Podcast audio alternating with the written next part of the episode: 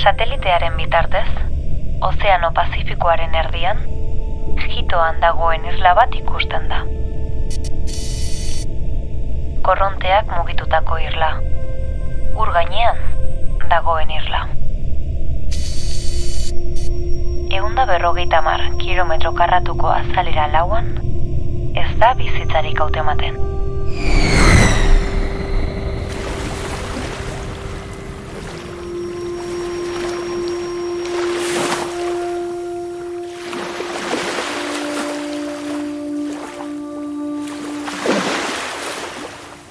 Irlaren lodiera ama bost zentimetrokoa da gehienez. Tamaina ezberdineko pomezarrien nahastea da.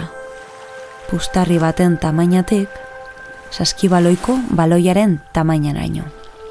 Eta orain bai, bizitza ikusten da.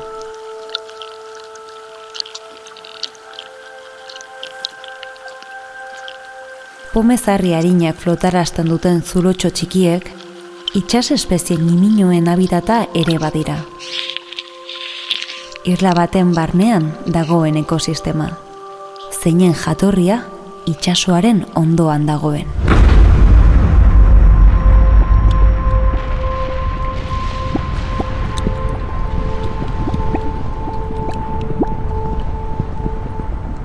Itxaspeko sumendi batek erupzio alertu zuenean eta irakiten zegoen magma eta itxasoko urrotzak elkarrukitu zutenean, eundaka pomezarri azaleratu ziren. Orain, irla osatzen dutenak.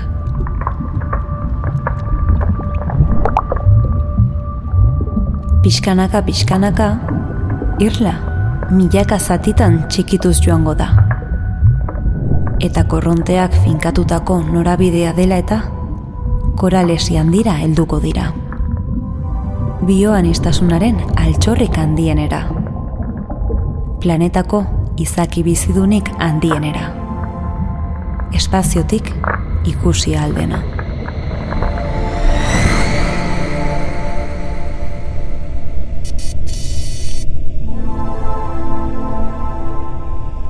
Alderrai dabilen irla honen zatiak, eta horien biztaldeak koral esi handira heltzean berroneratuko dute. Bizitza emango diote. Eta gian, horri esker, espaziotik ikusten diren koral zati txuriak, ez dira gehiago ikusiko. Eriotzaren kolore hori. Aldaketa klimatikoak, eta itsasoen temperaturaren igoerak eragindakoa.